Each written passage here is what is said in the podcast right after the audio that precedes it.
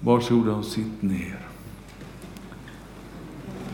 Herre, jag ber, låt ditt ord få sjunka in i våra hjärtan.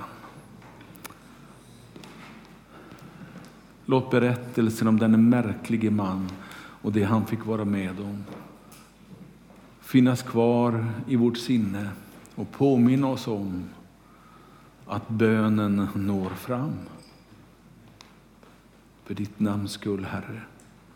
Amen. Ja, dagens predikan kommer att eh, handla om en man som du kanske inte har hört så många predikningar om. Boken som berättar om hans liv eller om hans berättelse är väldigt kort. Fyra kapitel och det är knappt eh, två, tre sidor i, i min bibel. Men vilken berättelse! Han är totalt unik. Det finns ingen som eh, har varit med om det han har varit. Jo, förresten, en. Och Det ska du få höra om också idag. Låt mig få läsa någon liten vers. Jag kommer att ta upp flera versar här så småningom ur Jona bok. En av tolv, de tolv småprofeterna som vi kallar dem för. Det vill säga i slutet av Gamla Testamentet så finns det en hel rad med ganska små bibelböcker, men o så viktiga. Och Jona bok är en av de där viktiga böckerna som har så mycket att berätta för oss. Teologerna tror att den här boken är en av Bibelns äldsta profetböcker. Det finns äldre böcker än Jona bok, men då handlar det inte om en profet och vad en profet har gjort och sagt, utan då handlar det om andra saker. Jona han levde ungefär, man anar, någon gång på 700-talet före Jesu födelse. Så den här boken har några år på nacken. Och hur den då kan sträcka sig fram till dig och mig idag, det är ju lite spännande att tänka på.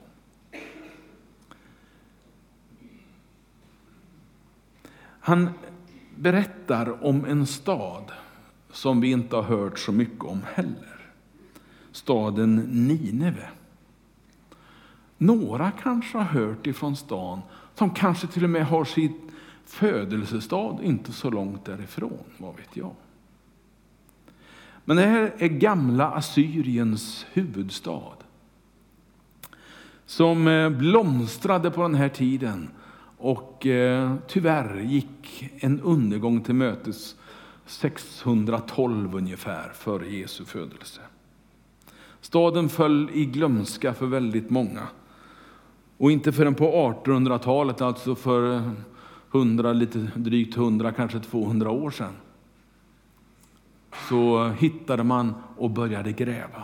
Och man håller fortfarande på med utgrävningar, för stan var stor. Det var ingen liten, liten håla utanför Jerusalem vi talar om, utan det här är en storstad på den tiden också. Hans bok har hånats för alla sina omöjligheter. Det går ju inte, har man sagt. Det som står är inte sant. Vad var det som åt upp honom? Var det en val? Var det en fisk? Var det en ål? Ja, det finns alla varianter på det där. Och jag tänker inte lägga mig i den debatten. Det står fisk här. Får jag säga det åtminstone? Jag måste ju inte vara den fisken som du och jag tänker på som man drar upp i, i eh, ån här utanför eller ute i havet. Alltså, det behöver ju inte vara den typen av fisk som vi tänker på, utan det här, det här måste ju varit en jättefisk helt enkelt.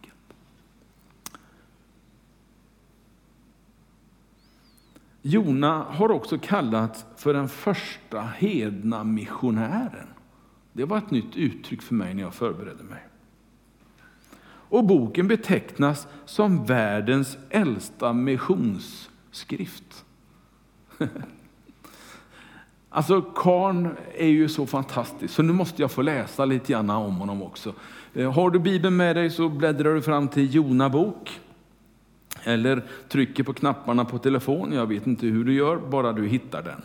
Och jag tänkte börja med kapitel 2 och vers 2. Några få ord kommer på väggen bakom mig också. Och det är Jona som säger så här. eller som gör det här rättare sagt. Och Jona bad till Herren sin Gud i fiskens buk. Stämmer inte riktigt med det som står där. Men det är olika översättningar. Jag tror att det här som jag läser är folkbibeln och det där är nog en översättning ifrån den andra. Kan det stämma? Nej, det är folkbibeln du har på väggen, fast det är hans bön som kommer efter raden efter. Så är det. Sån god bibelkunskap har jag. Helt rätt. Men då läser jag dem igen så får vi sammanhanget också, eller hur? Och Jona bad till Herren sin Gud i fiskens buk och han sa, jag ropade till Herren i min nöd och han svarade mig. Det räcker så.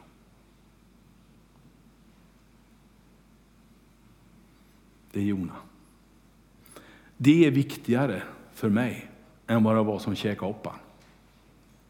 Än vad det var för fantastiskt djur i havet som fick en måltid. Vi vet ju hur det gick. Men jag funderar på några saker. Jag funderar på hans uppdrag. Och det har vi i det första kapitlet. Där står det om Jonas och hans uppdrag. Jona var nog inte någon jättestor kändis där han föddes. Han föddes faktiskt i en stad inte så långt ifrån Nasaret, där Jesus föddes. De är lite lika. Kan det komma igen senare under predikan? Lyssna får du höra. Men han får i uppdrag att gå till Nineve med en predikan om Guds kärlek. Ska vi bläddra fram det lite får vi se. Här ja. Här är uppdraget. Nu hoppas jag att jag har rätt den här gången. Då. Man vet ju aldrig. Börjar det så ni vet hur det kan gå.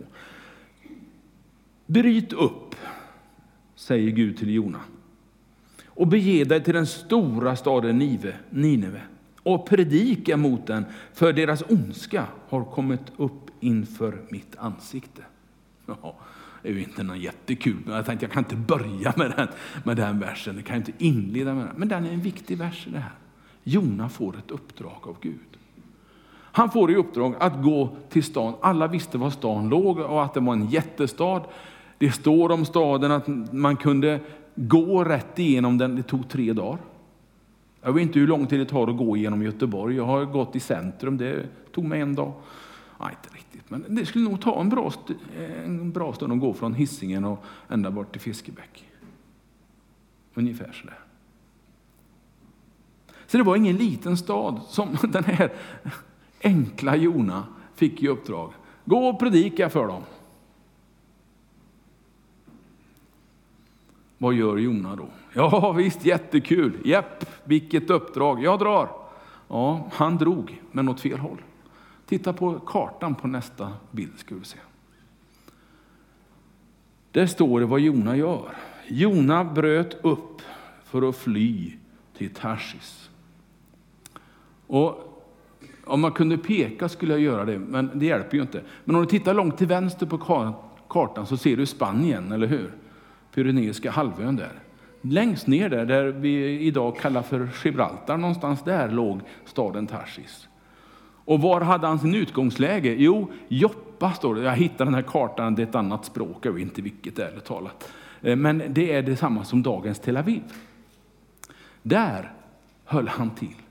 Där fick han uppdraget. Och så skulle han gå upp genom Libanon och in i Syrien till Nineve. Det var inte direkt att följa Guds råd och Guds uppmuntran och uppmaning. Han drog så långt han kunde åt andra hållet helt enkelt. Det var målet. Aldrig att jag går till Nineve, för jag vet ju hur du är Gud. Det kommer ganska tidigt. Du är ju kärlek. Så du kommer säkert ändra på dig. Jag drar inte dit. Nej du, det kan du glömma. Jag åker så långt jag kan. Jag tar första bästa båt som går så långt jag bort jag överhuvudtaget kan tänka mig.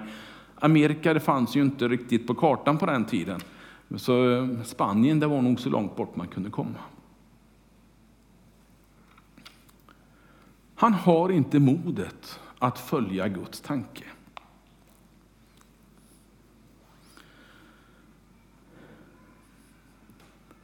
Han har inte det modet. Och han stannar inte upp för att få det heller, utan han bara skyndar iväg. Så reagerar Jona. Och det är ju mänskligt, eller vad säger du? Skulle du anklaga honom för att vara en fegis och inte fatta någonting? Ja, tänk dig uppdraget. Det var inget enkelt uppdrag. Han fick ju uppdrag att vända upp och ner på en världsstad. Han, bara han, skulle dra dit. Han var ju rädd för sitt liv. Om jag kommer dit och säger om sanningen, om vad Gud har sagt, de stryper, de hänger upp mig någonstans. Finns inte en chans, jag drar åt ett annat håll.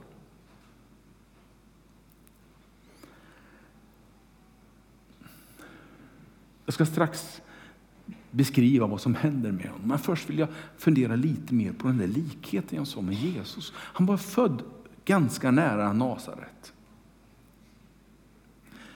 Man skulle kunna säga att Jona blev uppäten av en fisk. Och det står faktiskt att han stannade kvar där i tre dagar. Åtminstone känner jag igen det där ifrån en berättelse i evangelierna. Gör du det också? Jesus var i dödsriket i tre dagar. Ja, men säger du, det, det stämmer ju inte, jag kan ju hur påsken ser ut. Ja, jag vet. Men det här bara förklarar liksom varandra lite grann. Det här måste inte innebära 3-24 timmars. Det är ju du och jag i vårt moderna tid som har klockor och följer minuter och sekunder och liksom räknar på det. Då talar man om, om en hel dag och så två dagar runt omkring. Åtminstone mer eller mindre utav de dagarna. Det var inte så noga om det var hela dagen före och hela dagen efter. Om det var exakt från midnatt till midnatt. Eller, nej, det viktiga var att det var en dag och så var det en hel dag emellan och så var det en dag till. Det blev tre dagar helt enkelt. Och så räknar man i Nya Testamentet också. Därför så blir det väldigt konstigt när man sätter sig ner och räknar timmar på påsken. Eh, då stämmer inte berättelsen helt enkelt. Men det, det är onödigt att göra när det inte är det som är vitsen, det är inte det som är grejen. Men det blir en grej av likheten mellan Jona och Jesus. Och då brukar vi tala om att Jona kanske får vara mer än en profet i sin tid. Han får också vara en profet som blickar fram mot Jesus. Tre dagar i graven, tre dagar i buken. Och sen kommer han ju tillbaka till livet. Alltså, den här berättelsen är ju fylld med sånt där som gör att jag drar på mungiporna lite. För att i nästa andetag tänker jag, men det stämmer ju. Tänk, tänk, om, tänk om Gud som har skapat himmel och jord ville ha det så här. Ja, vem är jag att tycka att det är lite småtokigt? Att det inte är rimligt? Ingenting är rimligt när jag tänker på Guds skaparmakt och Guds fantastiska möjligheter. För allt är Gud. Och Gud är inte rimlighetens Gud. Han är Gud helt enkelt. Du kan inte sätta logik och att han ska vara liksom eh, begriplig. För då är han ju inte Gud. När Gud gör saker så gör han sånt som är lite över din och min förmåga och ibland till och med förmågan att förstå.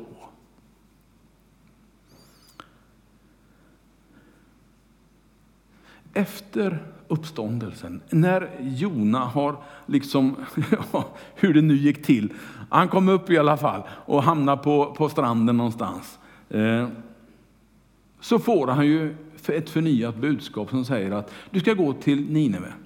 Och där ska du säga att om, 14, om 40 dagar, om 40 dagar så ska stan gå under.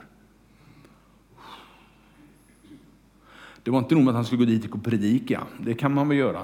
Jag har ju predikat några gånger också. Men jag vet inte om man skulle åka till Göteborg och säga att stan går under om 40 dagar. Det vet jag inte om man skulle ta mig till. Och förresten, Urban och Smyrna församling skulle nog inte bli så glada de heller. Eh, det, det kan vi glömma, just den delen. Men jag har ändå tänkt, liksom, funderat på det finns en likhet. När Jesus står upp, vad händer efter 40 dagar? Är det någon som kan sin almanacka? 40 dagar efter påskdagen, vad händer då? Kom igen, ni har varit i söndagsskolan hela högen flera gånger. vad sa ni gör det? Kristi himmelfärd. Han lämnar lärjungarna. Han ger dem 40 dagar att predika. Han ger dem 40 dagar. Och sen säger han, sen ska det hända grejer. Men till det kommer han lite senare. Alltså, det finns, jag påstår inte att det här är hur ska jag säga, att det här är benhårt säkert, tolkningen som jag har utav det. Men funderingen kommer ju. Tänk om Gud i sin allmakt liksom, låter en man 700 år före Jesus faktiskt med sitt liv peka på Jesu död och uppståndelse. Det är ju görhäftigt.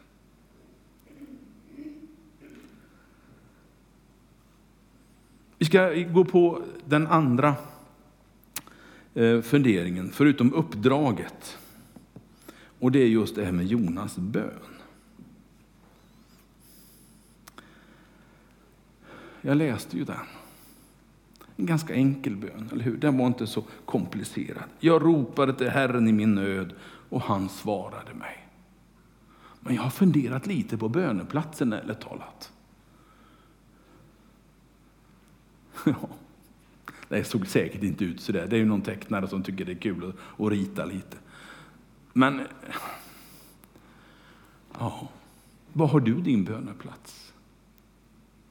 Var brukar du dra dig undan för att be någonstans? Jag skulle önska att ingen av er behöver uppleva det Jona upplevde, naturligtvis. Men någonstans så har vi en plats där vi ber. Och man skulle kunna fundera så här också. Det verkar inte finnas någonstans där Gud inte hör. Till och med i havets djup, i magen på någon fiskliknande historia, så kommer det en bön om hjälp och nåd ifrån en enkel liten predikant. Och Gud hör bön. Gud älskar dig och bryr sig om dig. Han hör din bön spelar ingen roll vilken situation du är i eller vilken plats du är på. Gud hör din bön. Platsen där Jonas bad sin bön, ja, den var väldigt speciell. Men det har ingen betydelse egentligen i sammanhanget. Han ropade till Gud och Gud hörde hans bön. Jona tänkte på Gud och nådde fram till Guds plats.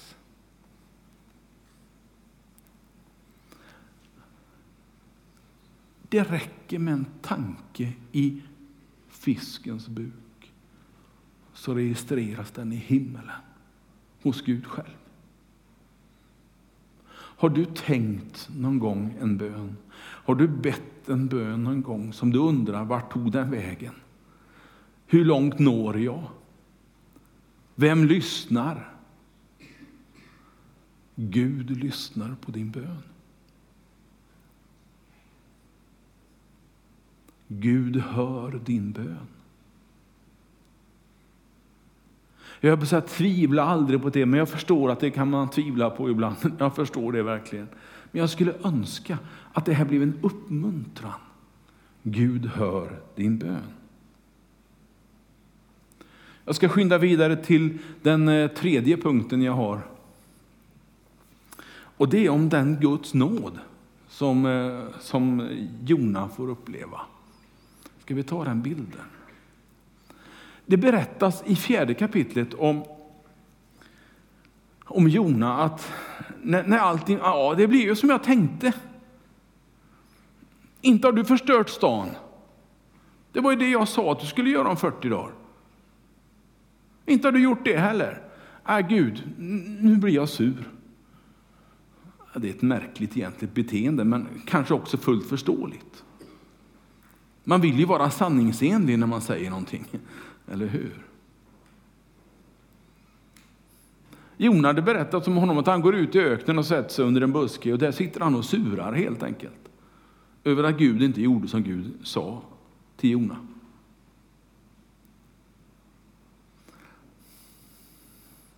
Trots Jona och hans misslyckande som predikant. Trots Jona och hans tillkortakommanden när väl stan blir räddad.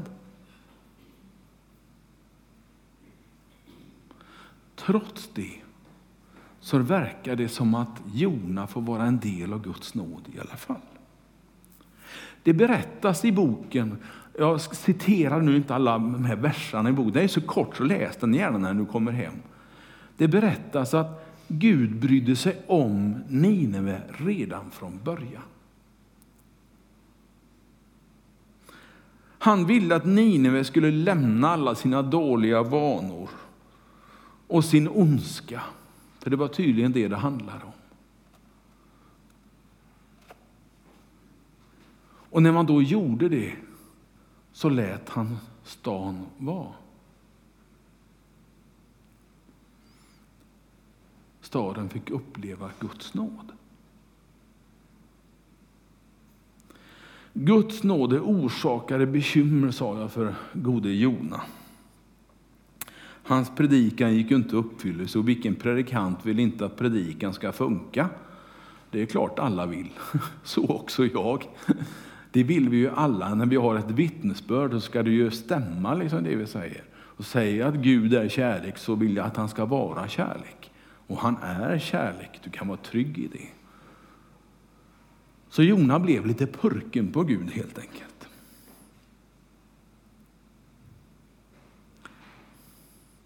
Men det är ju så här att Gud vill ju att alla människor ska omvända sig.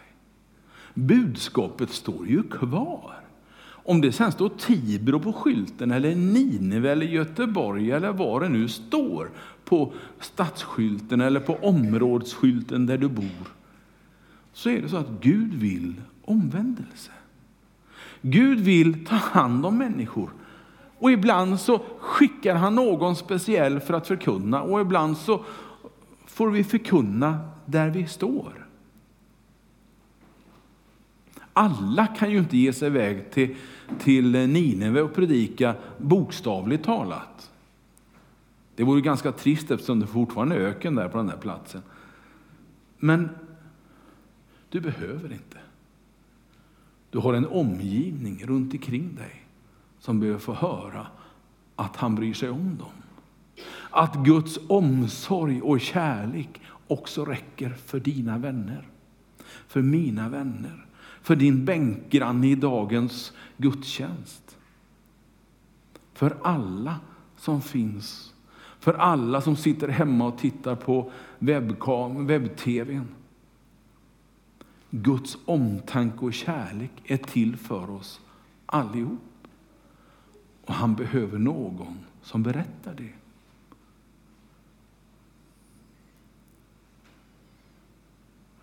Omvänd dig, tro på Jesus, så får du ett nytt liv. Det är bara längre än 40 dagar. Det är bara längre än vad du, än vad du kan tänka dig. Det innehåller mer positiva saker för ett liv än jag har tid att räkna upp idag. Jag skulle vilja utmana dig till tro på Jesus Kristus. En tro som räcker längre än en söndagspredikan. En tro som räcker livet ut. En tro som bär in i himmelen. Den tron fick Jona i uppdrag att bära med sig till sin stad Nineve.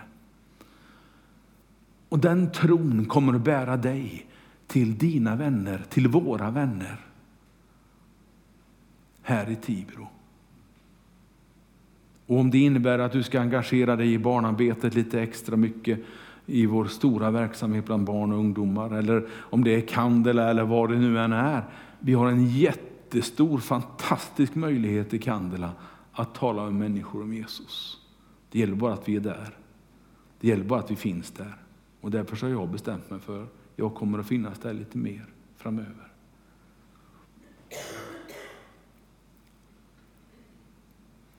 Tack Jesus att eh, vi får vara en del av din stora här av människor som vill berätta. Tack för Jona. Tack att det gick bra till slut. Tack att han valde att gå till Nineve och berätta, även om det bar honom emot först. Herre, hjälp oss att berätta om dig för människor runt omkring oss. Och om vi behöver resa långt så ger du oss då möjlighet att göra det för att berätta om dig. Tack Jesus att tron funkar, att tron är möjlig, att tron är för oss, att tron är här. Amen. Amen.